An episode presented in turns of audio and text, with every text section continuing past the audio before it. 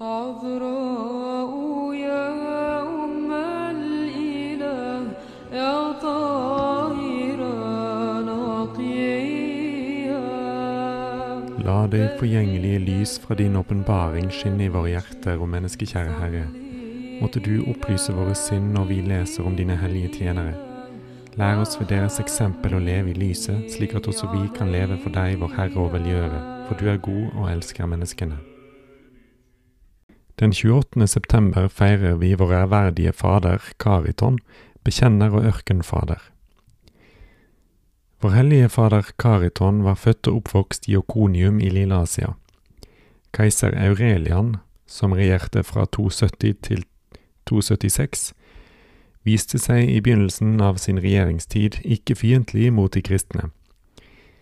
Men tilskyndet av djevelen slapp han senere en voldsom forfølgelse løs mot dem, som påkalte Kristi navn.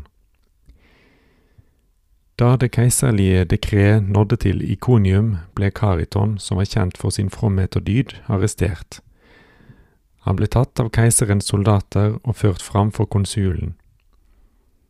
Da Kariton uten frykt hadde bekjent Kristus og fordømt avgudene, ble han strakt ut på jorden og pisket så voldsomt at hans kjøtt ble som opptrevlet lerret.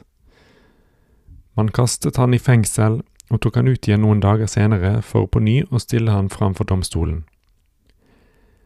Han ble befridd fra fengselet og flyktet til Egypt, helt til tyrannens død markerte enden på forfølgelsen, i alle fall for en tid. Men merkene av Kristi lidelse på sitt legeme var fortsatt synlige, og Kariton var fri fra trusselen om martyriet, men strevde med forøket iver i Kristi etterfølgelse ved å leve et liv i askese og strenghet.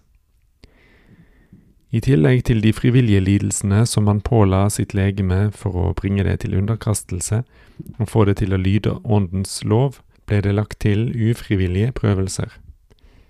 En dag da han hadde begitt seg mot Jerusalem, møtte han på veien en røverbande, som bandt han og tok han med til deres hule. Men disse ble snart ofre for Guds dom. De døde alle sammen etter å ha drukket noe vin som en hoggorm hadde lagt sin gift i. Kariton, som var den eneste som ble igjen, ble da underfullt befridd for sine bånd, og ble slik arving til det byttet som røverne hadde samlet. Det tok han og utdelte til fattige, eller brukte dem til å bygge kirker til Guds ære. Og så innrettet han seg i den grotten som røverne hadde bodd i, og det lå ved et sted som het Faran, for at han skulle kunne utøve askese der. Fra denne grotten av tiltrukk, tiltrakk Den hellige mange vantro til å omvende seg til troen og til å følge hans engleaktige livs eksempel.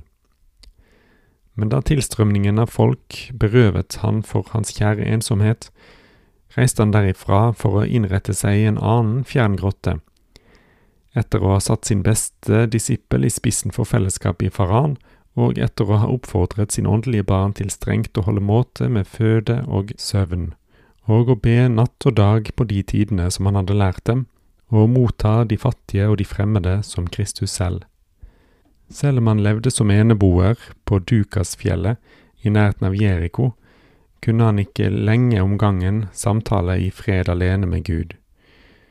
For tallrike disipler kom for å slutte seg til han, og de nødte han til å bygge en annen lavra, og på ny flyktet han til et enda mer avsides sted som het Tekoa. Han innrettet seg der med noen disipler i en tredje lavra, som han på syrisk kalte Soka, som betyr kloster, eller Den gamle lavra. Men ikke noe kunne stanse skaren av nye disipler og hedninger som strømmet til for å fryde seg ved Hans ords honning og se dette levende bildet på Kristus. Derfor, da Kariton ikke ønsket annet i denne verden enn sødmen av forening med Gud i ensomhet, trakk han seg tilbake ovenfor lavraen i en grotte som var så vanskelig tilgjengelig at man bare kunne komme opp dit ved hjelp av stiger. Der bodde han i mangfoldige år idet han drakk av en kilde som Gud på den helliges bønner hadde latt velle fram fra grotten. Da Gud forut hadde åpenbaret ham hans dødsdag, lot Kariton seg transportere til sin første lavrei Faran. Derfor, derfra sendte han et åndelig testamente til sine disipler, hvor han vitnet om den sikre veien til å nå fram til fellesskapet med Gud, nemlig askesen forbundet med ydmykhet og kjærlighet til alle. Da han hadde fullført sin siste undervisning, utstrakte han seg på sitt leie og sovnet fredelig inn, for å innføyes i englenes og de helliges kor. Av